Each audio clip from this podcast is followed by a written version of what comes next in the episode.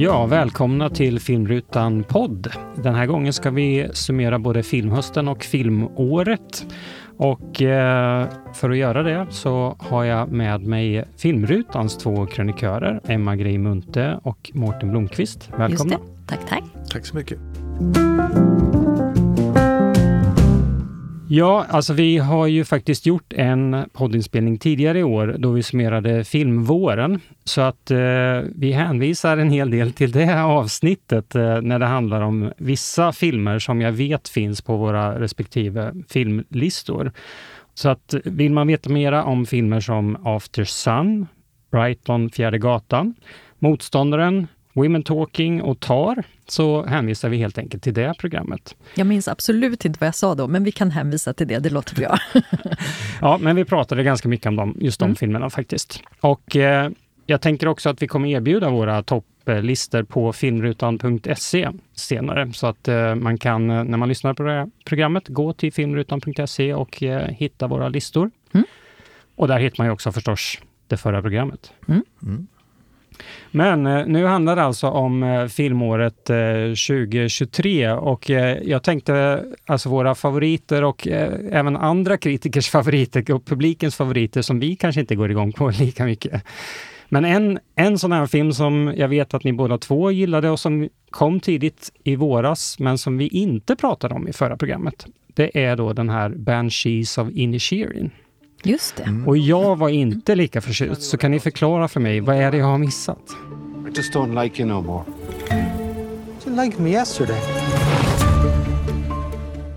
Jag var inte så tokgalen i den. Den har hyllats mycket av en del. Men för mig är det mycket miljön. Irland är det väl. Colin Farrell och Brendan Gleeson som är två stora skådisar som det bygger på. Så idén är ju rolig också, kanske man ska nämna lite vad den handlar om. De har varit vänner länge och sen så kommer Brendan Gleeson och säger jag vill inte vara vän med dig längre. Liksom gör slut med, med Colin Farrell. Och Colin Farrell ger sig inte utan vill att de ska bli vänner igen. Och det blir väldigt blodigt till slut det där. Brendan Gleeson är drastisk i sitt sätt att självstympa sig för att slippa den här vänskapen. Så när jag tänker tillbaka på den så var det mycket det. Intrigen var inte jättemycket, den var mystifierande mest. Men jag njöt av att sitta och titta på dem och av miljöskildringen väldigt mycket. Och jag tyckte den var jätterolig. Jag skrattade så jag kluckade i princip filmen igenom. Samtidigt som jag tyckte att den var väldigt varm och det var väldigt fint om så här, manlig vänskap på ett sätt man inte ser så ofta. Så jag tyckte att den var väldigt, väldigt rolig framförallt. Just för att den var så mörk och drastisk och den var så deadpan-artad också. Att det var liksom drastiskt men det var ändå på något sätt low key. Det var inte så stora Farrell, svängar. Colin Farrell är väl en dumskalle i den helt ja, enkelt. Precis. Och sådana blir väldigt roliga på film ja. ibland. Så det, det, du påminner mig om det. Den sidan hade jag glömt av det, men det stämmer. Ja. Ja, filmen är ju gjord av Martin Mc Donna, som tidigare har gjort en film med just eh, Colin Farrell och Brendan Gleeson i en brygge, mm. Bruges. Och han är väl kanske mest känd för Three Billboards. Eh, just det, det hade jag glömt att det var samma regissör. Ja, men det stämmer ju. Så han verkar ju gilla det här att utforska när man tar till våld för att lösa olika mm. konflikter på något sätt. Just det, och ingen av de där två var jag särskilt förtjust i, faktiskt.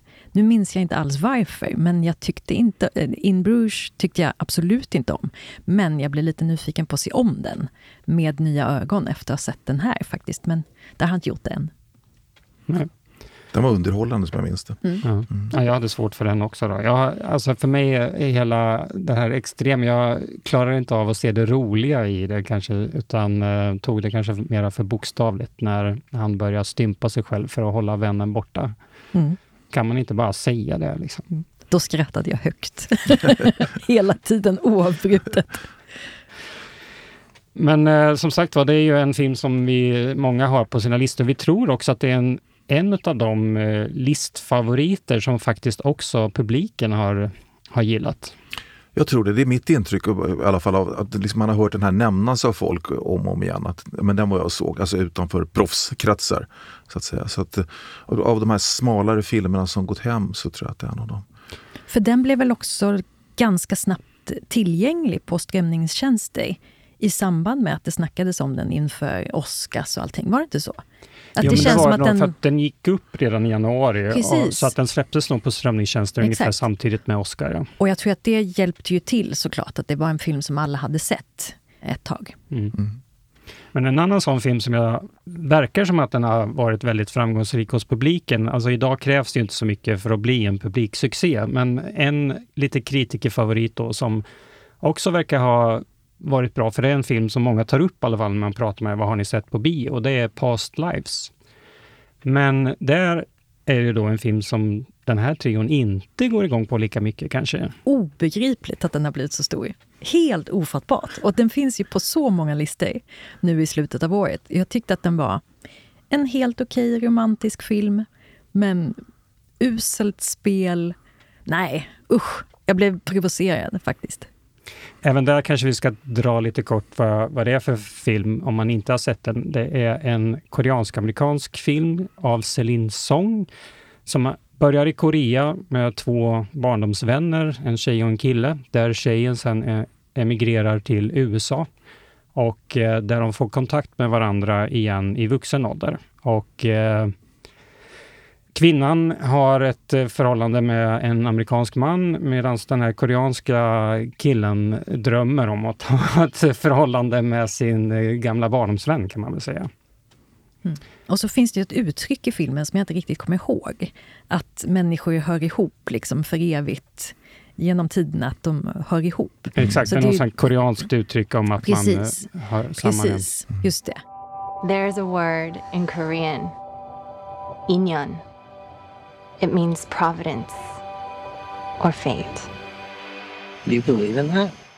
That's just something Koreans say to seduce someone. Jag tyckte det fanns en del fina ögonblick, men däremellan så var det som att de ja, men dansade ut med sån här fotspår målade på marken när man ska dansa. Vissa danser, att det var väldigt...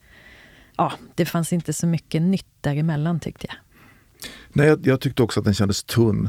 Men sen är det ju det där problemet också att den var ju väldigt hyllad när den kom. Och det vet vi ju alla att man går in i, med höga förväntningar så är det ganska stor risk att man blir besviken. Så jag, jag, tyckte också att den hade rätt lite i sig.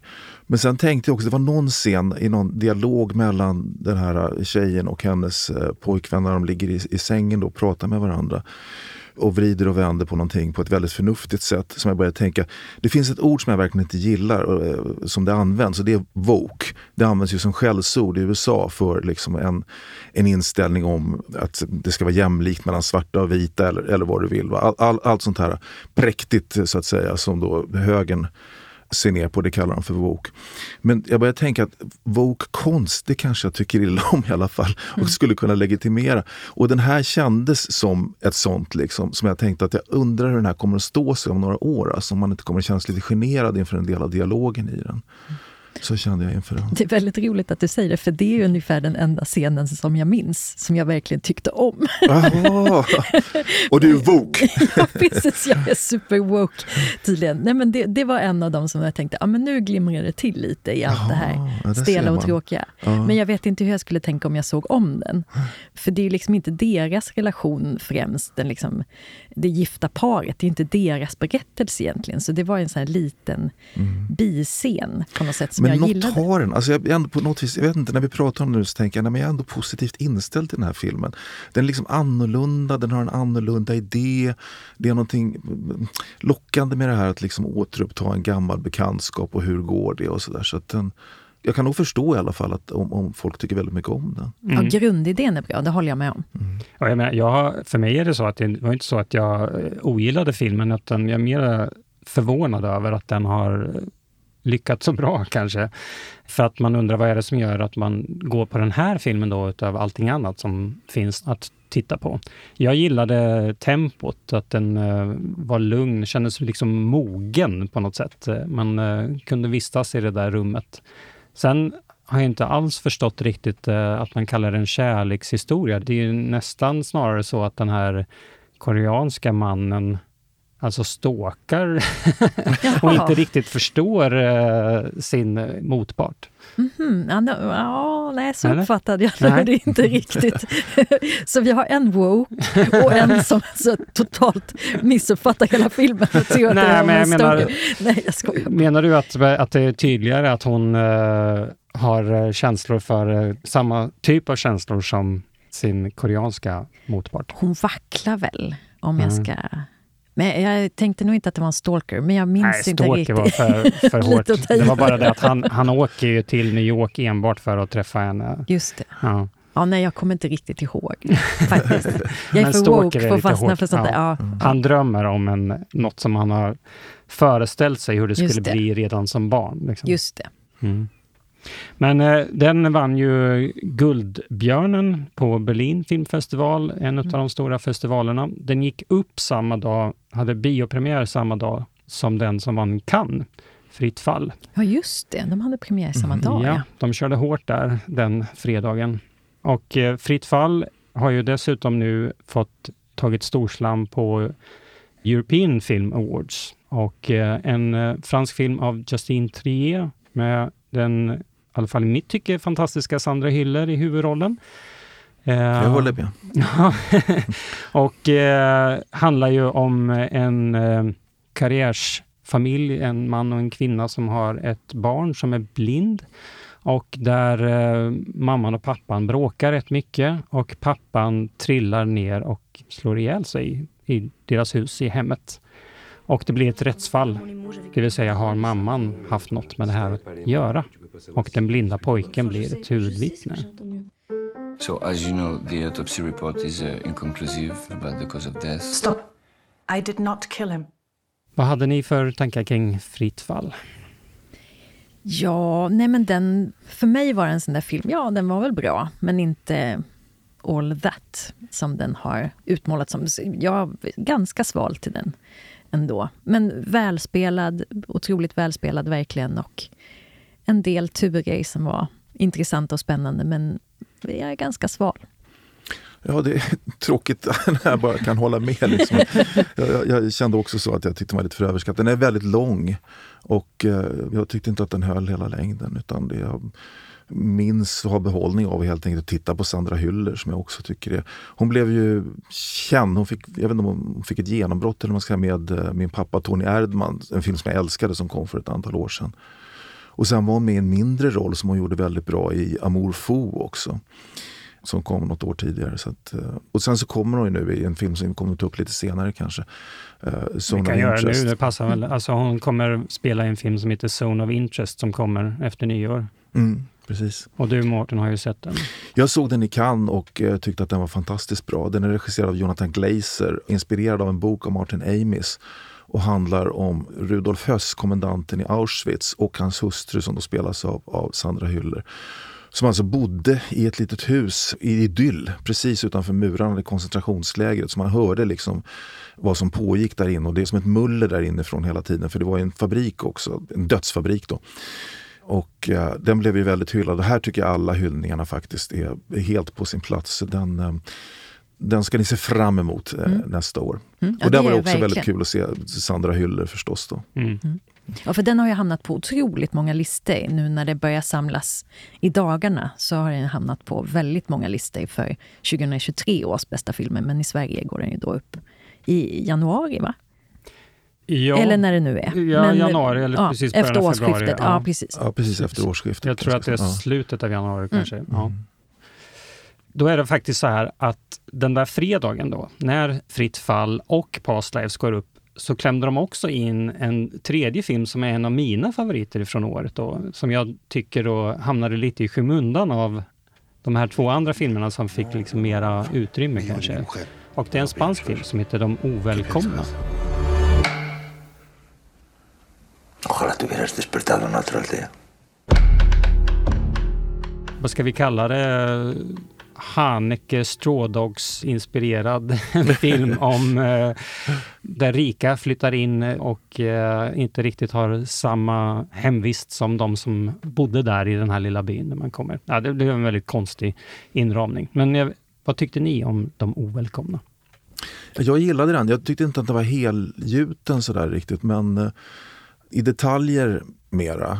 Intrigen är ju att det är det här paret som flyttar in i den här lilla byn och de är inne på ekoodling och sådär och då vill de inte sälja mark som byn, där alla i byn är delägare. De, de kan tydligen hålla, lägga in något veto mot att sälja till ett vindkraftverk och blir då ovänner med eh, de fattigare människorna som lever där och som tycker kommer i utbölingar och sätter stopp för vår chans att tjäna pengar. Och det blir en väldigt hotfull stämning och, och sådär. Så att, ja, den är absolut en av de mest sevärda från i år, det tycker jag. Ja, det är lite intressant det, de, det här franska paret som då snarare gör en downshiftning. Att de har gjort karriär, har pengar och flyttar till den här lilla byn som de tycker är pittoresk medan de som bor i byn vill ha pengar för att kunna flytta därifrån. Och eh, de här franska gröna vågorna då sätter käppar i hjulet för det. Mm. Jag tyckte väldigt mycket om den också. Just att det, den är så otroligt välspelad. Sen tycker jag att det är synd att den den spårar ur lite och tar här, själva konceptet, det här thrillerartade, just det här hotet från grannarna och vad de gör med deras odlingar och de förstör. Och jag tyckte att det var väldigt bra, men sen tas det lite för långt och då tappade den bort mig. Och sen så fiskar filmen in mig igen på slutet när, de, när det skiljas eh, frun och dottern deras relation, det tycker jag är väldigt, väldigt fint. Så att, väldigt välspelad, synd att den spårar ur, tycker jag. Mm. Och synd att den eh, kanske försvann i eh, mängden av hyllade filmer. Mm. just eh, när den gick. Men överhuvudtaget så tycker jag att det har varit ett tema under året att fantastiska filmer släpps samma dag. After Sun och Women Talking släpptes ju också samma dag. Att de här filmerna har ätit upp varann och tuggat upp varandras publik. Så det har varit väldigt tätt med premiär samma dag ofta på ett sätt som inte nog har tjänat filmerna väl.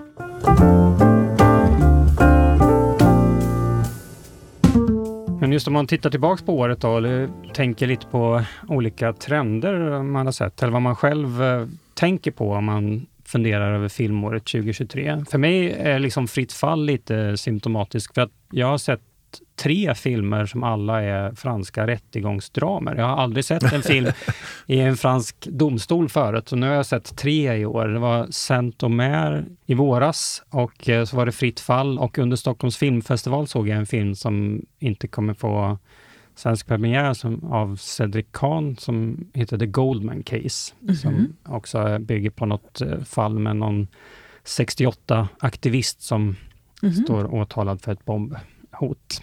Eller bombdåd menar jag. Mm. Så det, jag tänker på franska rättegångar när jag tänker på 2023.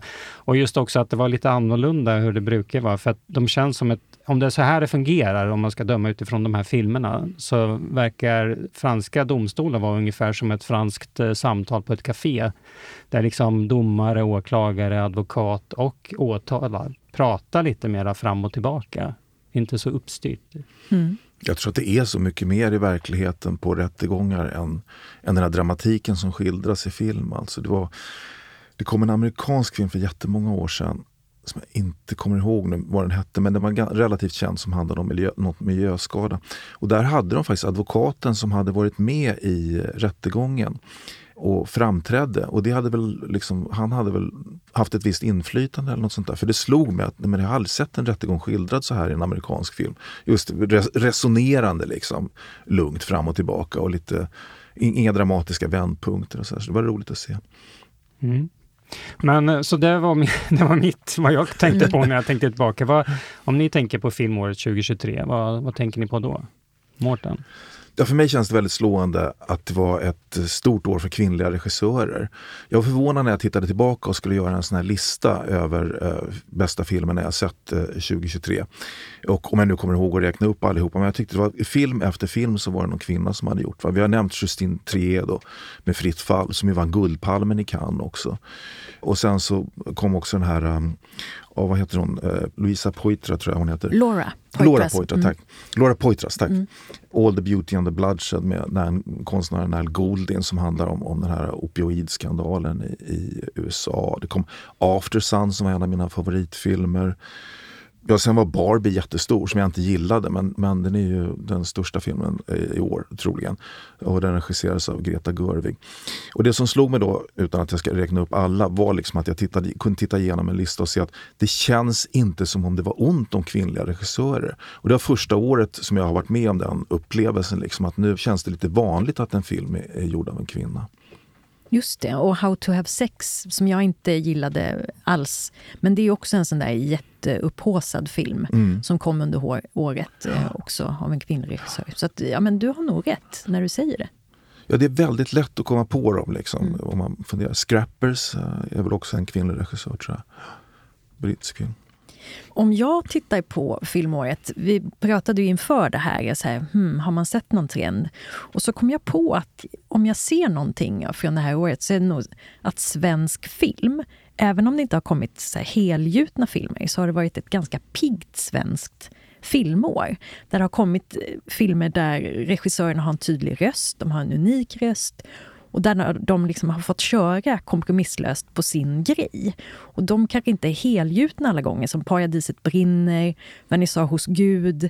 Vad har det mer kommit för några? Det har kommit... Eh, Ja, motståndaren. Ja, motståndaren. Den kanske är lite mer traditionell ändå, mm. men liksom också en unik röst kan man tycka. Men Butiken var en sån där film också som, som glimrade till, där man verkligen kunde se en så tydlig avsändare. Och att de körde sin grej. Och det tycker jag inte att man brukar se så många filmer på ett år. Det kanske brukar komma en eller två. Nu kom det ändå flera stycken. Och Holy det blir jag glad. Spider är väl lämplig att nämna ja, också. Precis. Ali Abassi som jag har sett på utländska topplistor också. Mm. Just det. Och sen ja, men, vernissage hos Gud som eh, verkligen är helt urspårad, men väldigt kul. Så jag tycker det har varit roligt att se. Sen vet jag inte om det kommer uppmärksammas på Guldbaggegalan. Det tror jag inte riktigt. Kanske alla de där nämns, men eh, ja, jag tycker det var kul. Jag blev glad. Ja, men det, det, är ju alltid hur man ska ta det där, för att det är ju intressant när man gillar att titta på film, att bli utmanad och känna att eh, här händer det grejer. Att det liksom finns en skaparkraft. Samtidigt som hela branschen skriker efter den där succén som inte ens Tillsammans 99 kunde leverera. Då. Men eh, ja, intressant filmår. Ja, men Tillsammans 99 måste jag säga, den ja. såg jag bara för några dagar sedan. Och jag, jag brukar inte läsa så mycket om filmerna innan jag ser dem, men mitt intryck var att det var lite så här, ja men det var bra, men folk blev lite besvikna. Jag skrattade så mycket, jag tyckte det var bättre än originalet. Jag tyckte den var jätterolig. Så, alltså, nästan upp och nosa på en femma. Jag var alldeles upprymd och glad efteråt.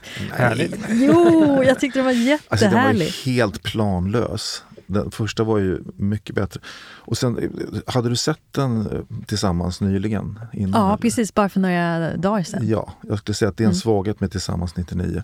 För jag tror att har man inte sett den, för jag, jag hade liksom förstått att jag är tvungen att se den om jag ska se Tillsammans 99. Och har man inte gjort det så är Tillsammans 99 fullkomligt hopplös vad jag förstår, vad jag har hört av de som liksom har gjort missen. Och, menar, och då så säger jag, ja men du ska ju se den innan. Ja, det är inte precis så att de skriver ut i annonsen att du måste se tillsammans innan du går och ser den här. Va? Så att en film ska stå på sina egna ben, det tycker jag inte att den gör alls. Och jag tyckte personerna i filmen de var mycket mer vässade den här gången. Det var så kul att den var så elak, men också elak mot de här människorna, men också var en så snäll och vänlig film jag blev glad av det, att den är ju ganska barnslig på ett sätt som jag tyckte om att i eftertexterna, du är ett föl och sådana saker. Jag tycker den var urhärlig faktiskt. Vi har, vi har varit duktiga med att säga intrigerna och det tycker jag är bra. Mm. Tillsammans 99 vet jag inte om man behöver nämna att det är uppföljare till Lukas Moodyssons succé om en, mm. en, en, stor familj. Precis, ja. och att det är, det är så här återträffen då 99 helt enkelt. Mm. Ja, jag tyckte den var jättehärlig faktiskt. Mm. Jag tyckte verkligen det. Så jag blev väldigt glad och positivt överraskad. Och också att den verkar vara en sån vattendelare lite grann. Ja, men den har fått mycket fyror, men det var ändå lite besvikna fyror. Och jag tyckte den var top notch. För jag tycker första filmen, den är lite så här hö, hö, kollektiv och så är det lite klichéer där. Men de här var... Nu hade personerna liksom växt och blivit vassare. Jag tyckte den var jätterolig. Tyckte jättemycket om den. Jag tänkte mer på att den eh, kanske inte blev den räddningen för eh, film och biograf. Eh, biografbranschen som man kanske hoppades på. Nej. Hur Vet du någonting om siffror? Nej, Nej inte jag heller. Jag har ingen aning. Inte. Nej, Nej. Inte. Men eh, om vi eh, fortsätter gå igenom lite favoriter då, så kan vi också fortsätta på det här spåret med kvinnliga regissörer. För jag vet att du, Emma, har en favorit som heter You Hurt My Feelings. This whole world is falling apart and this is what's consuming you. Mom, you're not helping. I love you. Oh, okay, well, never mind. You Hurt My Feelings som är en, ja men smögs ut direkt till strömning. En så väldigt så lågmäld komedi om ett gift par som har varit tillsammans för evigt. Och sen håller hon på att skriva en bok och hon är väldigt nojig och hennes man har läst den många gånger, alla hennes utkast. Och sen råkar hon tjuvlyssna på honom i en affär när han säger att han inte tycker att det är sådär jättebra. Och då blir det här växer i hennes huvud och så blir det ju alla de här... Så att det handlar lite om alla de här vita lögnerna man drar för människor i sin närhet. Att ja, men man säger, man liksom stöttar och säger ja men det var väl bra eller det var intressant eller sådär. Så det handlar om väldigt små ämnen på något sätt. Och den är inte så stor och dramatisk eller skratta högt rolig. Men den väl, jag tyckte väldigt mycket om den. Den var också uppe och nosade på en femma, men den smögs ju ut. Du recenserade den, Mårten. Ni var en av de få som gjorde det. Ja, jag var jätteförtjust i den. Jag hade väntat på den länge för att jag har sett något annat av Hall of Senner och sen så tyckte jag hela idén var intressant. Och sen så är också Julia Louis-Dreyfus som spelar den kvinnliga huvudrollen som jag är jätteförtjust i. Så jag tyckte det skulle vara kul att se henne i en hel film.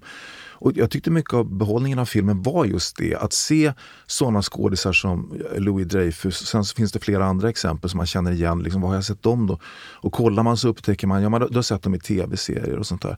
Och det kändes som Hall of Scener då, som har gjort en hel del tv också, gjorde det delvis för att låta bra skådespelarkompisar få sträcka ut liksom, i längre scener. Det är ganska långa dialogscener och så. Här, så att, eh, och jag tyckte jättemycket om den. Den hade verkligen mycket att ge. Eh, dels tycker jag storyn, är, eh, upplägget är bra och intressant. Liksom så Och sen så i de enskilda scenerna, i mötena mellan människor, så var det många att titta på. Just att det var bra skådespelare ute i alla roller. Det kändes liksom att det här är någon som gillar skådespelare när man, när man såg den. Mm. Men just har man sett henne så bra någonsin? Jag tyckte hon var toppen. Ja, men jag tycker hon är toppen. Jag, jo, jag, jo, jag ser dem VIP men... hela tiden till exempel ja. med henne och sådär. Men jag håller med dig, det är väldigt roligt att få se henne i en lång film då. Mm. Hon har gjort den till, jag tittade på den nu, men den var inte så jättebra tyckte jag där hon spelar mot, oh, vad heter Tony Soprano skådespelaren? Gandolfino. och det är väl också samma regissör? Det är samma regissör, en precis. Said, eller heter Enough said, bra, just det. Ja, tack. Men den skulle jag inte rekommendera sådär liksom. Det var inte ointressant. Mm. Det, var, det var en ambitiös film, men inte... Mm. Men Nicole Holofsine har väl gjort ganska många såna filmer som är så här, den har många stunder som är helt briljanta. Som är så här, wow, huvudet mm. liksom, man så här, tappar strumporna. Men eh, som kanske inte är helgjutna alla gånger. Men där det liksom verkligen glimmar till av såna ja, otroliga ögonblick. Ja. Så att jag tycker om alla hennes filmer, men den här tyckte jag om mm. extra mycket. Mm. För den kändes helgjuten på ett annat sätt, att hela filmen var bra. Ja. Ja, Hall of Scener slog väl igenom som en sån indie, pratiga indiefilmer om relationer, ofta med Catherine Keener i huvudrollen. Just det, oh, Walking and Talking. Ja, precis. Ja. Alla de där, ja. precis. Mm. Men uh, en manlig autör då, som också har gjort avtryck här under hösten och i många listor är ju Aki Kaurismäki och ja. eh, Höstlöv som faller. Och då delar vi lägret här lite. Ska vi börja med Mårten som är för? Ja, ja, eh, fantastisk eh, underhållande eh, komedi om ett sånt här typiskt eh, loserpar som Kaurismäki gillar att ha med. Hon jobbar i snabbköp och får sparken för att hon har tagit med sig utgången mat hem. Alltså man tycker ju att man är på hennes sida liksom, för det här är bara larvigt med någon stöddig butikschef och säkerhetsvakt som liksom sätter dit henne. Han däremot är mer så att man tycker, ja du får vad du förtjänar ungefär när han får sparken för han dricker på jobbet och sådär. Och de här stöter ihop då och typiskt, på typiskt Ford, ett Kaurismäki-maner och eh, går på bio tillsammans och sen så försvinner ett telefonnummer. Nej, men hur ska det gå med den här kärlekshistorien då när de inte får kontakt igen och så får de kontakt igen. Så det är en slags, eh, den är ju delvis inspirerad av David Leans fantastiska Noel Coward-filmatisering Kort möte om en romans som aldrig blir av. Och den är ju åt det hållet då, fast mycket mera komik i. Jag tyckte jättemycket om den och den har varit Det är alltid roligt tycker jag, som kritiker så blir man alltid tillfrågad, så här, finns det något man kan se? Och då, då, nu har jag känt, sen den gick upp, då liksom, ja, den här kan jag rekommendera till praktiskt taget vem som helst och de kommer att gilla den. Och den har gått hem också vad jag förstår. Mm. Inte hos Emma då? Nej, Nej, Emma. nej, du kan inte rekommendera den till mig. Nej, men jag har otroligt svårt för Kaurismäki överhuvudtaget. Jag har jag vet inte, jag har så otroligt svårt för hans stil, estetiken. Det är så fult så det kryper i mig. Jag tror att jag, jag brukar åka på Novemberfestivalen och se, det är så SM för ung svensk film, ung svensk kortfilm. Och där ser man så många filmer som ser ut så här. Så, så här amatörmässigt och det är fult. Och det här deadpan-spelet som jag verkligen inte... Det är så svalt. Och jag gillar väl kanske när det är mer köttigt och liv och energi. Men jag, jag har otroligt svårt för den här deadpan-grejen. Ljus i natten tyckte jag väldigt mycket om. Men det är också faktiskt på riktigt den enda Kaurismäki-film som jag tycker om. Och jag måste också säga, eftersom du nämner Kortmöte, den är en otrolig film. Se den istället. ja, jag, jag tyckte ändå att det fanns mycket att hämta i Höstlöv som faller. Alltså Alma Pöysti spelar huvudrollen som vi känner igen ifrån Tove och Händelse vid vatten är hon också med. Jussi Vatanen från Okänd soldat spelar den här alkoholiserade mannen då. Personligen så tycker jag ju scenen med Jussi Vatanen och hans kompis på en bar där de ska sjunga karaoke är fullständigt genialiskt och det absolut bästa. De fem minuterna är det absolut bästa från filmåret 2023. Är det sant? På riktigt? Nej, jag blir upprörd. Men jag, jag måste invända mot att Kaurismäkis filmer är fula, för det tycker inte jag. Jag tycker liksom, det känns som att du tänker på miljöerna som är i dem, för de är ju ofta väldigt osköna. Men däremot tycker jag hans bildberättande är jättebra faktiskt. Det är ju liksom det jag saknar mycket i, i film, eh, att han använder helbilder och att man får känna av miljöerna ordentligt på det viset. Liksom, så man, man får en, en bra bild av hennes lilla lägenhet och sådär. Så, så jag tycker inte att det vad ska jag säga, det, det är inte Brideshead Revisited miljöer eller något sånt där. Liksom. Men, men, man ska inte förväxla, tycker jag, miljöerna med eh, hur det ser ut. Han är, och sen så gillar han ju starka färger också i, i, sina filmer. Det finns ju med i alla. Jag hörde, jag pratade med Peter von Bag som skrev en bok om Kaurismäki och sa någonting. Vi hade sett någon film då som precis hade visats och så var vad röd den där dörren var. Så jag, ja, sa han då. Aki Kaurismäki har alltid med sig en målare på sina filminspelningar. Så att liksom, om han vill ha en riktigt bjärt färg liksom, så går han fram och stryker på den på den där dörren. Då, så. Och det tycker jag man ser i filmerna. Vad spännande, för jag tycker tvärtom. Jag tycker allt är så här urblekt och fult. nej, men också hur kameran rör sig. Jag tycker, nej, det är verkligen... Men att när man känner så här, kemin är inte helt där. Men det du säger om scenografi och miljöerna och så där, då tycker jag så här, till exempel Ulrich Seidel han gör ju fulsnygga filmer, men han kör ju mer så här, tablåer rakt på och då är allting fulsnyggt. Där tycker jag att så här, det här är en estetik som jag gillar. Medans Kaurismäki, nej. Och jag vet inte vad det... Det kan ju vara bara en så här, kemi. Att mm. det är inte alls min grej. Sen kan jag ju se den kaurismäkiska värmen och allt det där, men nej. Men så där är det ju. Jag, jag har sett några Buñuel nu som jag ligger efter med, liksom, som jag inte, jag inte sett så mycket av det. Han är inte min likör alltså. Det är, jag har sett någon jag gillar men, men inte sån där som jag faller för riktigt. Någonting funkar inte riktigt mellan mig och Buñuel. Ja. Mm. Jag tycker också det är så. Man, gör, man försöker och försöker för man mm. tänker att man borde mm, fatta mm. något till slut med olika regissörer. Men det går liksom inte. Ja, så det känner jag igen. En annan eh, stor autör som också gör avtryck här nu då är ju Martin Scorsese med eh, sin senaste film Killers of the Flower Moon. Ska vi kort bara säga någonting om den också? Nej, men det här är ju hemskt. Vi ska ju sitta här och prata om det som vi tycker om 2023. Och jag tyckte inte om den. Jag läste boken som den bygger på och den tyckte jag väldigt mycket om. Där tycker jag att det finns ett mörker, ett obehag om liksom allt som försiggick vid den här tiden. Rasismen och det som hände med alla de här människorna som blev mördade för sina pengar och sin mark.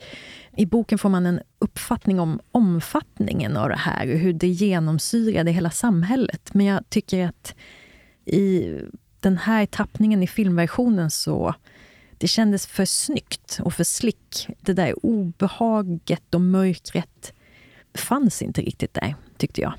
Jag vet att Mårten också är lite tveksam, så vi behöver kanske inte prata så mycket mer om den.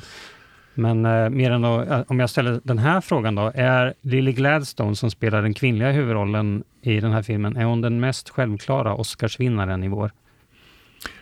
Det vet jag inte. Jag menar, en, en, nej, men en invändning som jag också hört från andra som kanske gillar filmen mer än jag, jag var också sval för den, då, är att eh, ja, lille Gladstone är bra men hon har inte mycket att göra. Och det håller jag med om. Hon, man tänker liksom, ska den här rollfiguren, hon, hon spelar ju ja, intrigen till den här kammen och flera andra också, den bygger på verkliga händelser om hur, hur eh, amerikanska urinvånare då hade eh, köpt land som visade sig innehålla olja och sen så såg eh, vita till att på bästa sätt försöka ta det ifrån dem, gifta sig med dem och döda dem till exempel. Och Lily Gladstone spelar en sån här eh, amerikansk urinvånare då som gifter sig med Leonardo DiCaprio. Och man tänker liksom att hon ska få en större roll. Och hon gör samma figur genom hela filmen och har för lite att göra tycker jag. Men eh, vem kan gissa Oscar? ja, nej men också att det blir ju inte hennes historia på något sätt i den här filmen. Det blir ju Leo DiCaprios film. Och det, ja, och det tycker jag känns så vrickat på något sätt. Mm.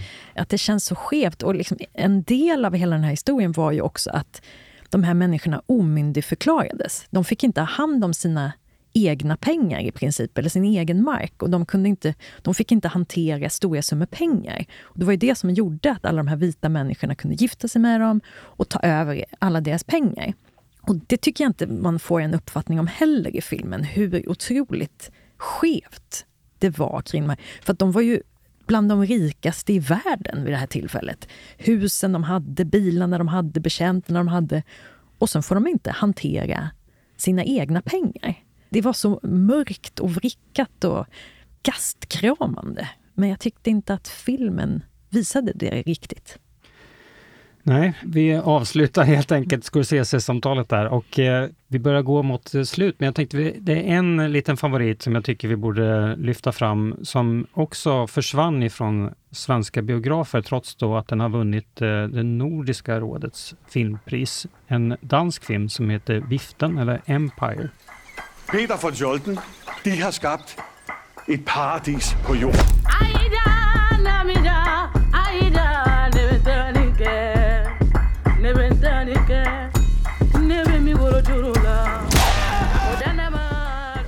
Också av en kvinnlig regissör, mm. Fredrike Asböck. Yes. Emma? Ja, den, den hör helt klart till mina favoriter. Femma, solklar som då handlar om en koloni, danska Västindien, Saint Croix. 1848 tror jag att den utspelar sig. Och handlar då om en rik svart kvinna som är frikulör, kallas det i filmen. Att hon, hon är så rik så hon har kunnat friköpa sig själv från slaveriet så att hon har kunnat köpa en egen gård och har egna slavar. Och sen börjar det ryktas på den här ön om ett slavuppror. Och då blir relationen med hennes älskade hushållerska som hon tänker att de är nära vänner. Det här förhållandet blir lite ansträngt. Och den här filmen den är liksom som en kaka. Den är så otroligt färgglad och fin, lite Bridgerton-varning. Och sen så är den så rasande under. Det är, så här, det är som att det är gift som har sipprat in i det här. Så att den är rolig, den är snygg, den är otroligt smart, så här genomtänkt in i minsta detalj. Musiken, fotot. Är helt otrolig och ändå är den större än liksom alla de här olika delarna. Så det är otroligt synd att den smögs ut på Netflix, men den finns ju där nu. Så att jag tiggde mig till att få recensera den för Aftonbladet, annars hade den försvunnit för många, tror jag. Mm. Ett rådigt ingripande. Jag ja. såg den när de här, de visades ju på Klara biografen och passade på här i Stockholm. Nordiska rådet nominerade och då passade jag på att se just den här. Och, och eh, tyckte också att de var väldigt bra. Här, som berättar saker som man inte hade en aning om. Hur det gick till, alltså, hur slavarna hade det och hur det fungerade. Och det är väl också så att hon som spelar huvudrollen har skrivit eh, Just manus? Det, Anna Neje. Så att, ja. Men överhuvudtaget Nordiska rådets filmprisfilmerna, det svenska bidraget var ju då Motståndaren som absolut bästa svenska filmen i år tycker jag. Och sen en norsk film också som heter War Sailor som också finns på Netflix. Otroligt bra. Kanske hamnar den på min topplista, jag är osäkert. Jag har några dagar till på mig att fundera på det hela. Men eh, väldigt roligt att få se de där filmerna. Det är så synd att de försvinner och ju... riskerar att drunkna i allt utbud. ofta sådär att de nordiska filmerna inte går upp i respektive land. Det är Nej. tråkigt. Nej, de färdas tydligen inte så bra. Vi, ja, vi får ju ofta danska filmer, men inte så ofta de norska. Nej. Ja, det går ju naturligtvis inte att beröra allting, så att jag tror att vi har nått eh, vägs ände när det gäller 2023. Så innan vi avslutar det här lilla avsnittet så eh, undrar jag om ni har några tankar om 2024. Är det någonting som ni ser fram emot när det gäller filmåret 2024? Zone of Interest då, som vi redan nämnt, som jag har sett och som jag, ni kommer att gilla den. Och sen så är jag ju väldigt nyfiken på Poor Things av Giorgos Lantimos som har blivit väldigt hyllad med Emma Stone i huvudrollen. Väldigt konstig story med en kvinna som räddas från ett självmordsförsök tror jag och får ett barns hjärna inopererad. Och hur går det då med ett barns hjärna i en, en mogen kvinnas kropp? Ja, den vill jag verkligen se. Mm, jag med. Det är en av de filmer som jag är mest nyfiken på inför året. Så, för Yorgos Lanthimos han är så otroligt mörk och så otroligt rolig och så skruvad på ett sätt som man väldigt sällan ser. Så jag, ja, den ser jag väldigt mycket fram emot, verkligen. Och han och Emma Stone verkar ha hittat varandra. De gjorde ju The Favourite eh, tillsammans också. Just det. Och Emma Stone är ju ljuvlig bara i sig. Så att jag kan inte tänka mig att hon skulle vara oljuvlig i den här.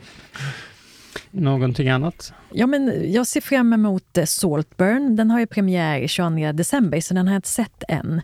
Och det är Emerald Fennell som gjorde Promising Young Woman. Så att, eh, den ser jag väldigt mycket fram emot. Och sen ser jag fram emot All of Us Strangers av Andrew Hayes som gjorde Weekend bland annat. Som har premiär i februari och ska vara någon slags övernaturlig romans med Paul Mescal som är med i After Sun. Så den ser jag väldigt mycket fram emot också. Mm. Personligen så kan jag lyfta fram The Holdover som jag gillar väldigt mycket. Alexander Payne i en dramakomedi om ett annorlunda julfirande. Mm. Ja, den ser jag också väldigt mycket fram emot. Jag tror den Ja. har premiär redan 5 januari eller något sånt där.